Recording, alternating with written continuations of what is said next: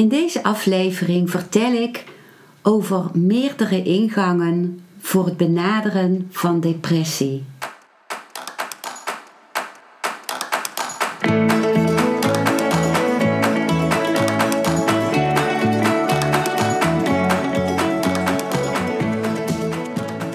Welkom bij een nieuwe aflevering van Modita's podcast Van Pijn naar Zijn. De podcast waarin ik je meeneem voorbij de pijn in je leven naar wie je diep van binnen bent. Hoe kun je beter omgaan met je gevoelens? Hoe vind je rust in je hoofd? Wat zit er precies achter je pijn? En vooral, hoe kun je steeds meer jezelf zijn? Adem eens diep in en uit. Ik wens je veel luisterplezier.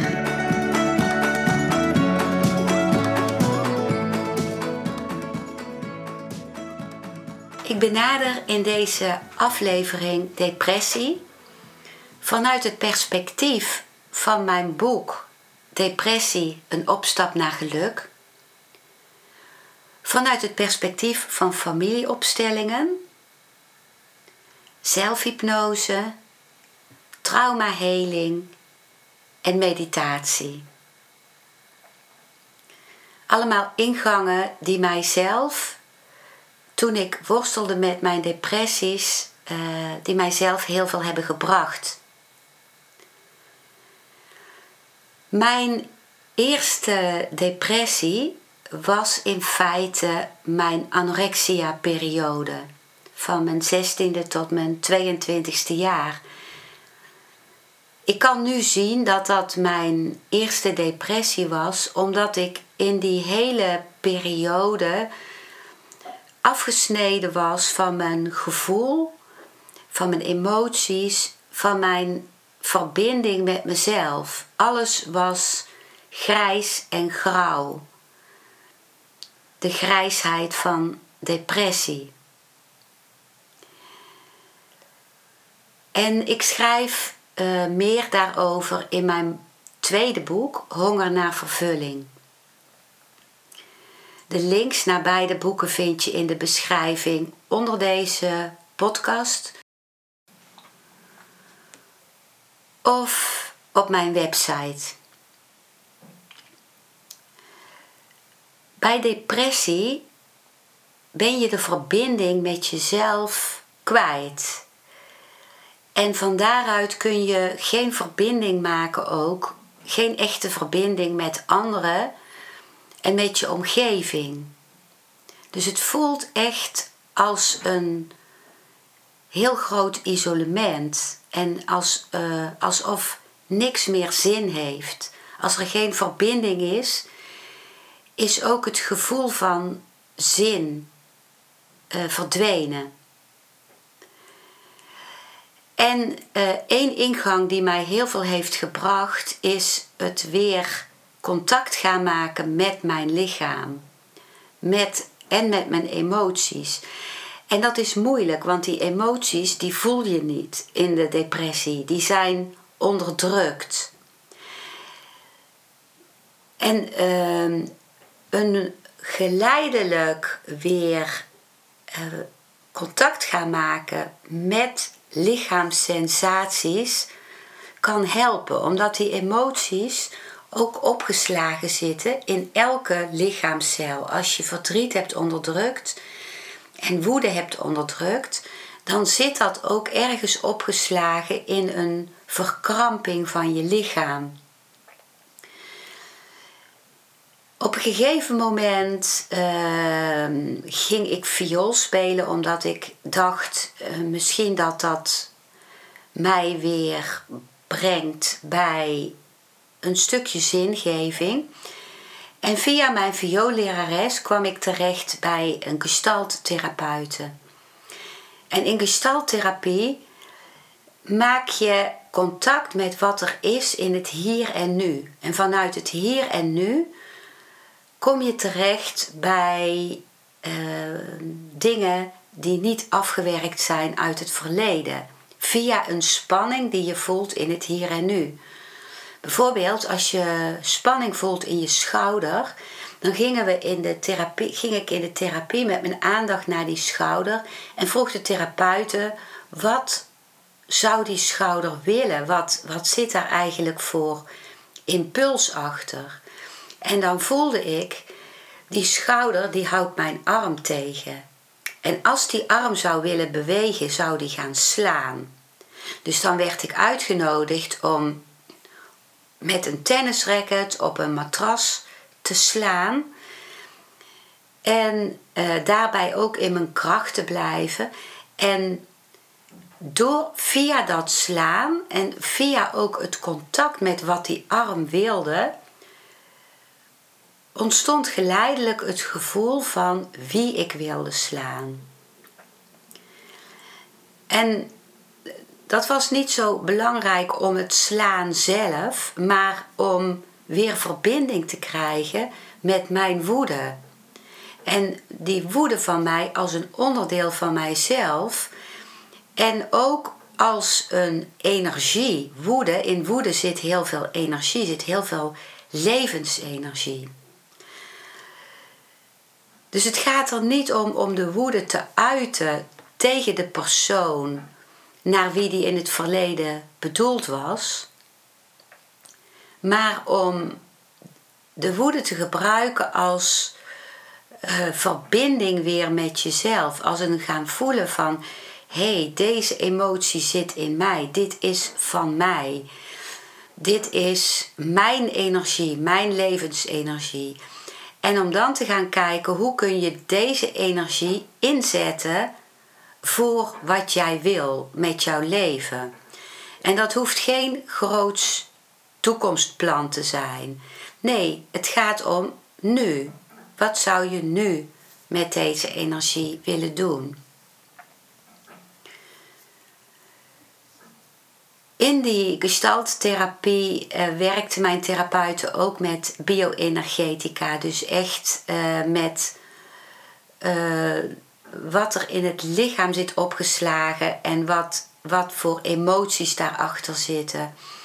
Dus ik kreeg heel veel de kans om emoties te kunnen ontladen, maar vooral om de emoties te voelen en om mijn lichaam weer te gaan voelen. Wat gebeurt er in mijn lichaam als ik uh, uiting geef aan iets met mijn stem? Of als ik uiting geef aan iets door een gebaar te maken, wat gebeurt er dan? Bijvoorbeeld, ik ga dieper ademhalen. Of ik voel dat ik weer scherper kan zien. Of ik voel dat ik weer uh, een verbinding voel met een boom buiten. En dat dat gebeurt, dat kun je je bijna niet voorstellen in de depressie, omdat er zoveel rem zit op die emoties en op het voelen van wat er in het lichaam gebeurt. En die rem is er niet voor niks. Omdat als je heel lang emoties en uh, lichaamsgevoel hebt onderdrukt, hebt moeten onderdrukken als kind, uh, had je geen andere keus als je bijvoorbeeld niet geleerd hebt vanuit je opvoeding om om te gaan met emoties en met, uh, met lichaamsgevoelens.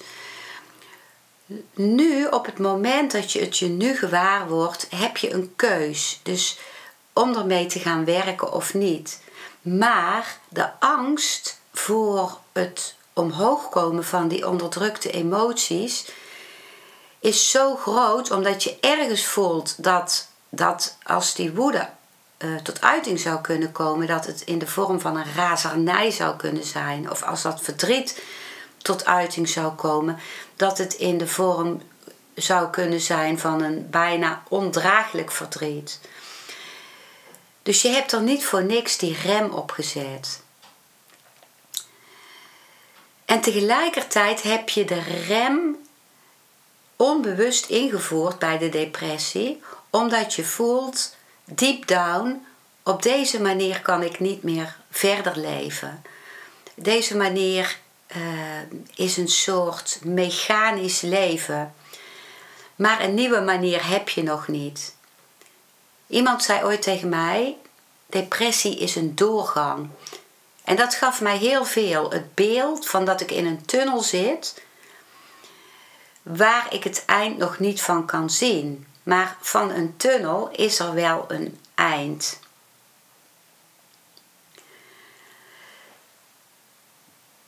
Uit dankbaarheid, toen ik uiteindelijk uit mijn depressies kwam, heb ik een boek geschreven, Depressie, een opstap naar geluk.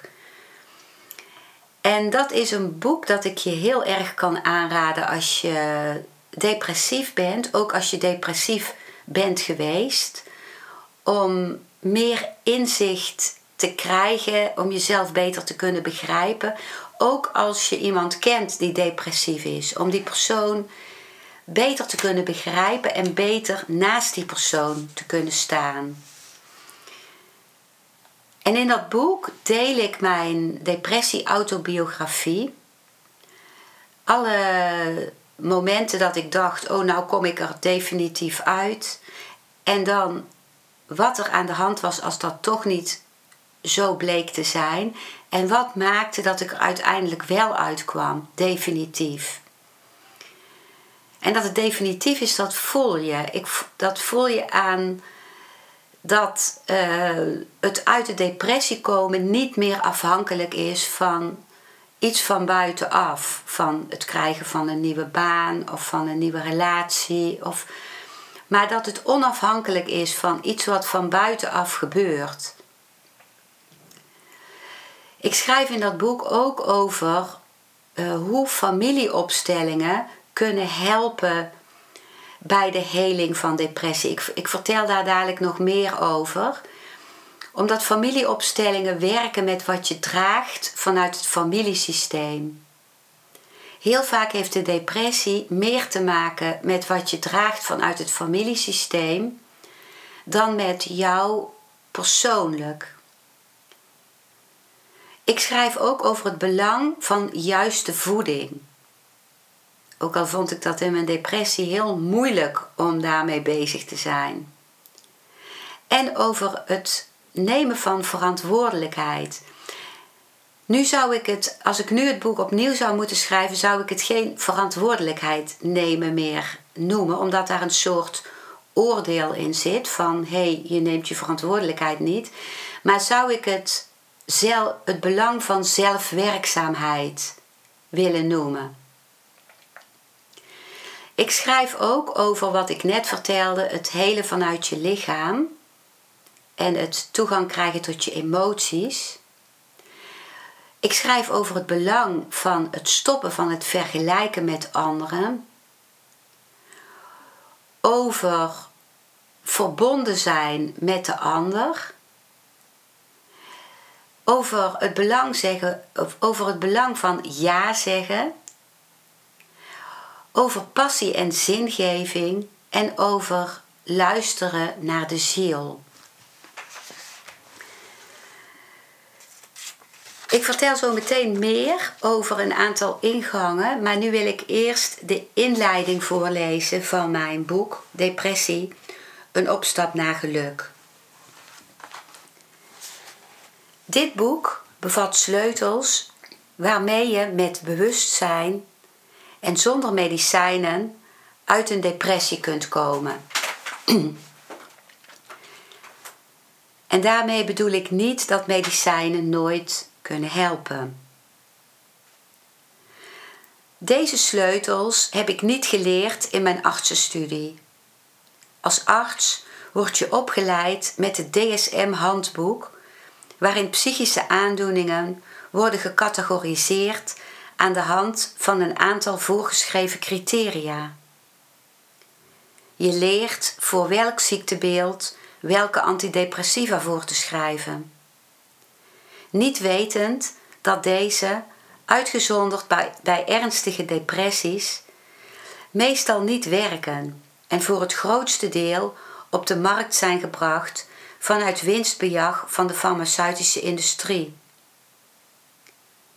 Artsen worden niet onderwezen in het belang van goede voeding, de invloed van het hart op de balans van het zenuwstelsel en de boodschap van de ziel bij psychische aandoeningen. Ook de invloeden van het familiesysteem worden buiten beschouwing gelaten. De werkwijze binnen de reguliere geneeskunde is nog te veel het bestrijden van symptomen en te weinig gericht op het herstel van een gezonde balans van lichaam en geest. Mijn depressies deden mij op zoek gaan naar een wijze om mezelf door bewustzijn te helen. En die zoektocht bracht me via gestaltherapie en zenmeditatie in India, waar ik geïnspireerd werd door de Indiase mysticus Osho. Deze bracht me in contact met mijn zijn en van daaruit in verbinding met het hele leven waarvan ik deel uitmaak. Hij heeft me inzicht gegeven in mijzelf en zijn actieve meditaties maakt het voor mij mogelijk mijn negativiteit te transformeren in een ja tegen het leven. Daarnaast kwam ik er in de arttherapie training van Mira Hashimoto en via familieopstellingen achter dat mijn depressie geworteld was in onopgeloste zaken in mijn familiesysteem. Dit boek is gericht aan een ieder die depressief is en die door vergroting van zijn of haar bewustzijn voorbij de depressie wil gaan. Wanneer men bereid is om naar het donkere stuk in zichzelf te kijken en dit te doorworstelen, kan de depressie een opstap worden naar geluk. Dit boek is ook voor familieleden, vrienden, artsen en therapeuten rondom degene die depressief is. Om het gezichtspunt rondom depressie te verbreden en begrip te doen ontstaan voor de doorgang waarin de depressieve mens zich bevindt. Een doorgang die niet gemakkelijk is, maar wanneer hij doorworsteld is, een geluk brengt dat groter is dan ooit daarvoor gekend is. De sleutels die ik in dit boek aanreik zijn sleutels om het hart, de ziel en het zijn te ontsluiten. De benaderingen uit de verschillende hoofdstukken versterken elkaar daarbij. De oorzaak van de depressie heeft zich meestal gedurende vele jaren ontwikkeld.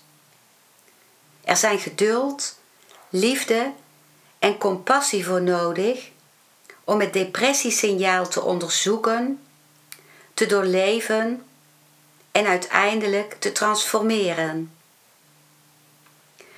Dit kan alleen vanuit een houding van acceptatie van de depressie. Daarover gaat het eerste hoofdstuk. Dit was de inleiding van mijn boek Depressie een opstap naar geluk. En als je het uh, zou willen bestellen, kan dat uh, bij mij. Dat is voor mij het gunstigst door mij een mailtje te sturen naar info.genietenvanmeditatie.nl of via bol.com. Als iemand contact met mij opneemt en vraagt van wat kan belangrijk zijn voor mij om weer een nieuwe beweging of een nieuwe ingang te krijgen wat mijn depressie betreft, dan raad ik heel vaak ook een familieopstelling aan. Die geef ik eh, zelf ook individueel bij mij thuis in Eindhoven of online via Zoom of via een familieopstellingendag of via uh, een familieopstellingenavond. En dat is in principe een eenmalig iets. Het kan zijn dat er meer opstellingen nodig zijn later. Maar in principe is dat een eenmalig iets wat heel lang doorwerkt, door kan werken. En waarom is een familieopstelling zo belangrijk? Omdat het laat zien uh, waar je verstrikt bent in iets van je familiesysteem. Dus het laat zien wat je draagt vanuit jouw familiesysteem.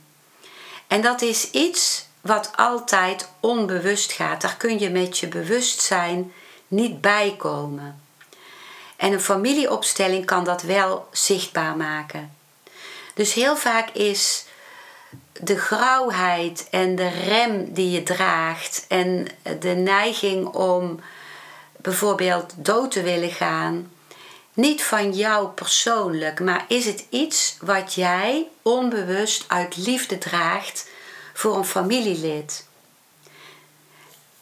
En waar de depressie meestal mee te maken heeft, wat we zien in familieopstellingen, is dat je één ouder of beide ouders, maar meestal één ouder, niet genomen hebt als ouder. En het nemen van je ouder betekent het ontvangen van het leven via de ouder. En dat kan alleen als jij in de positie van kind staat ten opzichte van je ouder. En wat heel vaak aan de hand is als je depressief bent, is dat je als kind al onbewust voor je ouder hebt willen zorgen, emotioneel gezien of fysiek gezien, omdat je voelde: mijn ouder staat heel wankel. En ik wil voor mijn ouder zorgen omdat hij anders niet blijft staan. Een kind is ervan afhankelijk dat de ouder voor het kind daar staat en ervoor kan zijn voor het kind. En als het kind voelt dat de ouder dat op een of andere manier niet kan, of uh, om wat, door wat voor omstandigheden dan ook, dan gaat het kind proberen om voor de ouder te zorgen. En dat geeft het kind een zekere kracht, maar het zorgt ook dat het uh, in de verkeerde verhouding staat. Het staat als ouder in de intentie boven de ouder en kan daardoor niet meer ontvangen van de ouder. Niet meer gevuld worden, niet meer vervuld worden, niet meer uh, rusten in de armen van de ouder of niet meer de steun van de ouder achter zich voelen. En het kind blijft daardoor leeg achter. En dat is de leegte van de depressie. En soms komt dat pas later in je leven tot uiting, omdat je uh, dan bijvoorbeeld hebt geprobeerd om op heel veel manieren die leegte op te vullen. Door, door uh, heel druk te zijn met een gezin dat je gesticht hebt, of door heel druk te zijn in je werk, of door, uh, behalve dat je dat als kind voor je ouders deed, ook voor allerlei andere mensen aan het zorgen bent. En op een gegeven moment is dat vaak niet meer vol te houden. Of gebeurt er iets waardoor er nog een extra druppel bij komt en dan kom je in de depressie terecht. En in die zin is depressie ook iets wat ontstaat vanuit intelligentie van je systeem. Een soort stop van zo werkt het niet meer, zo gaat het niet meer. En dat is niet een stop die je bewust inzet, omdat het grauwe van de depressie ook heel afschuwelijk voelt. Tenminste, vanuit mijn eigen ervaring wel. In een familieopstelling kun je ook gaan zien uh, dat iemand een ander, iemand die depressief is, een ander bijvoorbeeld wil volgen in de dood dat er van binnen iets is van liever ik dan jij. Dat is wat een kind bijvoorbeeld vaak doet naar een uh, ander familielid. Liever ik dan jij. Dus er zijn meer ehm, soorten verstrikkingen die in een familieopstelling zichtbaar kunnen zijn. En als je nog nooit een familieopstelling hebt gedaan, en dan helpt het soms om erover te lezen. Heel veel mensen hebben heel veel aan het boek uh, De Fontein van Els van Stijn. Dat is eh, een heel goed boek over, uh, waarin familieopstellingen heel goed worden uitgelegd. Maar je kunt pas echt weten wat een familieopstelling is als je het ook doet. Bij mij was het in het begin, toen ik ervan hoorde, echt een ver van mijn bedshow. Maar op het moment dat ik het ervoer, begreep ik het van binnenuit. Of doorvoelde ik het van binnenuit.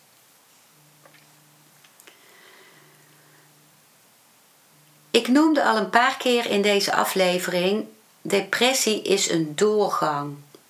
Een, uh, een, een doorgang van een staat van zijn die niet meer werkt naar iets nieuws wat zich nog niet heeft aangediend. En wat ik ook ervaren heb en ook zie, is dat een hele mooie ingang kan zijn om ehm, eh, op een zachte manier verder door die tunnel te gaan richting de uitgang. Uh, het uh, proces praten met je lichaam en mind. Dat is een meditatieve therapie van de Oosterse mysticus Osho, die je kan begeleiden online of bij mij thuis en waarbij je het vervolg zelf thuis doet met behulp van een audio tekst en audiomuziek. En daarbij ga je contact maken met je onderbewustzijn. Je onderbewustzijn is, ehm, daar zit 90% van al jouw interne informatie en daar zit ook je wijsheid. En met ons bewustzijn proberen we, dat is maar 10%, proberen we vaak een oplossing te vinden om uit de depressie te komen. Maar je hebt het dan al zo lang geprobeerd en met je bewustzijn kom je er vaak niet uit. Dus familieopstellingen werken e- eerder met een andere energie dan het bewustzijn. Die werken wel met het bewustzijn, maar niet met je ratio, met je verstand. En ook dit zelfhypnoseproces, deze meditatieve therapie, praten met lichaam en mind. De volledige naam is jezelf herinneren aan de vergeten taal van praten met je lichaam en mind. Dat brengt je weer in verbinding met jouw, met de wijsheid van je onderbewustzijn. En dan komen er antwoorden van binnenuit. En dan, komen er, dan uh, wordt er ook een proces in gang gezet van het gaan vinden van nieuwe antwoorden op jouw behoeften. Nieuwe manieren of mogelijkheden waarop je kunt leven die beter aansluiten bij je behoeften die onder de depressie zitten dan de depressie. En dat klinkt misschien heel raar dat uh, depressie een antwoord kan zijn voor nu op jouw behoeften. Het kan de beste oplossing zijn die jouw systeem op dit moment heeft kunnen vinden om aan jouw behoeften te voldoen. Omdat er geen andere manier op dit moment nog beschikbaar is uh, om aan jouw behoeften te voldoen. Dus de rem die je, die je zet op je emoties en op je lichaamssensaties kan voor dit moment de beste oplossing zijn. Maar in dit zelfhypnoseproces ga je zoeken naar wat zouden betere mogelijkheden kunnen zijn of voor mij fijnere mogelijkheden. En het is een proces dat heel zacht is en heel vriendelijk, ook heel vriendelijk voor je lichaam waarbij ook je lichaam jouw boodschappen gaat geven en ehm, eh, nieuwe mogelijkheden aandient, waarbij je zelf bewust niets hoeft te doen. En ik heb heel lang in mijn leven gedacht dat goede manieren waren van dingen die hard waren voor mezelf. Of ehm, ik dacht dat zet tenminste zoden aan de dijk. Tot ik merkte dat juist een hele zachte ingang veel meer bij me binnenkwam dan zo'n harde benadering. Want ik was al zo hard voor mezelf, zeker in de depressies. En dat ken je, herken je misschien ook van jezelf als je in een depressie zit. Dat de neiging is om hard te zijn voor jezelf. Van, oh, hoe kan ik zo stom zijn om in de depressie te zitten? Of ik heb toch alles, een dak boven mijn hoofd en mensen om me heen. En waarom voel ik me dan zo? En dat is vanuit een onvermogen om de depressie te begrijpen dat je, het, dat je de, eigenlijk de onderliggende woede die er ook is op jezelf gaat richten. En zo'n zacht proces kan dan een hele mooie ingang zijn. Een heel belangrijke ingang voor mij ook om mezelf te helpen om uit mijn depressies te komen, waren de actieve meditaties van Osho. Vooral de Osho-dynamische meditatie, waarbij je heel veel kunt ontladen en emoties als woede en verdriet ook echt kunt integreren en kunt transformeren in stilte en in vreugde. En in uh, mijn boek Depressie een opstap naar geluk heb ik twee hoofdstukken gewijd aan de meditaties van de Oosterse mysticus Osho.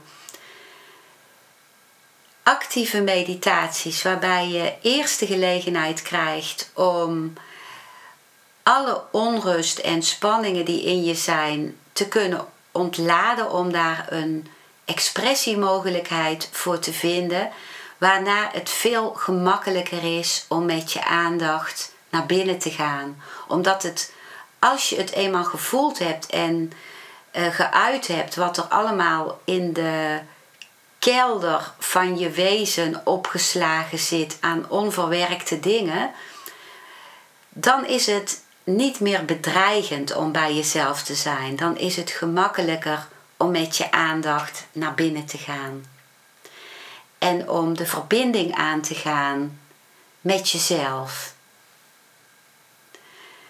En het zijn ook hele speelse meditaties. Dus wat Osho zegt is: belangrijk is bij de meditatie totaal zijn. Dus uh, echt je energie eraan geven.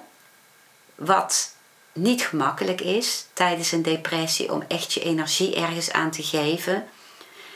En daarnaast een speelse houding, een niet serieuze houding, een nieuwsgierige houding van wat zal er komen van moment tot moment. En wat ook een hele kostbare ingang is of kan zijn, is traumaheling. Ik ben op dit moment, uh, het is nu, als ik deze podcast inspreek, is het begin oktober 2023 en eind oktober rond ik het tweede jaar af van, van de Somatic Experiencing opleiding. Dat is een driejarige opleiding, traumaheling, die ik doe. En ik werk daar ook al mee met uh, traumahelingsconsulten. En wat we vanuit de traumaheling zien is dat uh, de depressie ook een antwoord kan zijn op trauma. Op een traumatische gebeurtenis in het verleden of op herhaald trauma. En dat kan ook trauma zijn dat je je niet bewust kunt herinneren. Dat kan zijn trauma dat al heeft plaatsgevonden in de baarmoeder of na de geboorte of voor je derde jaar, voordat je een bewust geheugen had. Waarbij door het trauma zo'n hoge, uh, in het Engels arousal, dus zo'n hoge onrust in jezelf is ontstaan, of paniek, of razernij van, naar aanleiding van het trauma, of intens verdriet, dat de activatie van het sympathische zenuwstelsel, het onwillekeurige zenuwstelsel, dat zorgt voor dat je kunt vechten ertegen of kunt vluchten. Of uh, dat dat zo die energie zo hoog wordt en je hartslag zo hoog wordt en je ademhaling zo snel wordt, dat je systeem eraan onderdoor zou gaan als die activatie van het zenuwstelsel door zou gaan. En wat er dan gebeurt is dat er een andere tak van het zenuwstelsel, het parasympathische zenuwstelsel, de achterste tak van de zwervende zenuw, dat die er overheen komt, dat die heel actief wordt en die hele opwinding, die te sterke opwinding van dat sympathische zenuwstelsel onderdrukt. Dus er komt een deken overheen, over die uh, actieve energie. En dan kom je in de collaps. Dan stort je in, dan zak je in. Dat is om je lichaam en om je geest en om je hersenen, om je hele systeem te beschermen. En dat inzakken is vaak de depressie. Dus het heeft wel degelijk een functie. Het heeft een levensreddende functie. En traumaconsulten die kunnen dan helpen om weer heel langzaam de activiteit uit te nodigen, om weer heel langzaam in beweging te komen. En waarom zeg ik langzaam? Als je dat te snel doet, als je te snel die deksel van die parasympathische zenuw eraf zou halen, dan zou die hele onderdrukte energie, wat ik in het begin van de aflevering ook al zei, die hele onderdrukte energie van woede en verdriet ineens als een vulkaan naar boven komen. En dat zou dan weer die levensbedreigende toestand voor jou creëren. Dus daarom is het belangrijk om vertraging in te bouwen, om te titreren, om het in hele kleine stapjes te doen. En om ook hulpbronnen voor jezelf in te schakelen. En dat is een weg die niet heel snel te bewandelen is, maar wel ehm, heel veel voldoening gaat geven. Ook al raakt het ook heel veel pijn aan. Dus de weg uit de depressie is niet iets wat hele plotsklaps gebeurt, maar waarbij je een traject doorloopt, waarbij je ook je pijn en je woede en je verdriet tegenkomt. Maar ook het, mijn ervaring is dat ook het voelen van die pijn en van die woede en dat verdriet zoveel beter voelt dan de grauwheid van de depressie, omdat het zo veel leven brengt. En alleen via die weg kun je ook de gevoelens van geluk weer gaan ervaren. En ook als je verdriet er echt mee kunt zijn, is dat ook een vorm van geluk, hoe gek het ook klinkt. Of als je echt met woede kunt zijn. Mocht je willen kijken naar ingangen die ik kan bieden en die voor jou uh, kostbaar zouden kunnen zijn, en natuurlijk kun je ook naar iemand anders gaan, maar als je het bij mij zou willen doen, dan kun je een, uh, altijd een afspraak maken voor een gratis kennismakingsgesprek van een half uur. En dat kan uh, live bij mij thuis in Eindhoven of online via Zoom. En uh, daarvoor kun je een mailtje sturen naar info.genietenvanmeditatie.nl En ik kan je dus van harte mijn boek over depressie aanbevelen. Dit is wat ik op dit moment over de diverse ingangen om depressie te benaderen of ermee te werken, wat ik daarover wilde zeggen. Dankjewel voor het luisteren naar deze aflevering. Ik hoop dat hij je een nieuw inzicht of perspectief heeft gegeven. Ik hou van interactie, dus als je iets wilt delen, stuur me dan een mailtje op info@genietenvanmeditatie.nl. Ik geef je dan altijd antwoord. Ik wens jou dat je vreugde in het dagelijks leven zult ervaren en innerlijke rust. En dat je steeds meer je pijn zult kunnen omvormen in zijn. Je kunt de afleveringen van deze podcast volgen via Spotify, Google Podcast, Apple Podcast en Podbean. door op de volg- of abonneerknop te klikken. Als je luistert via de Apple Podcast, dat kan alleen als je een iPhone hebt, heb je een extra voordeel. Omdat als je op de knop abonneren klikt, je steeds een berichtje op je mobiele telefoon ontvangt als er weer een volgende aflevering van mijn podcast verschijnt. Je bent van harte welkom bij die volgende aflevering.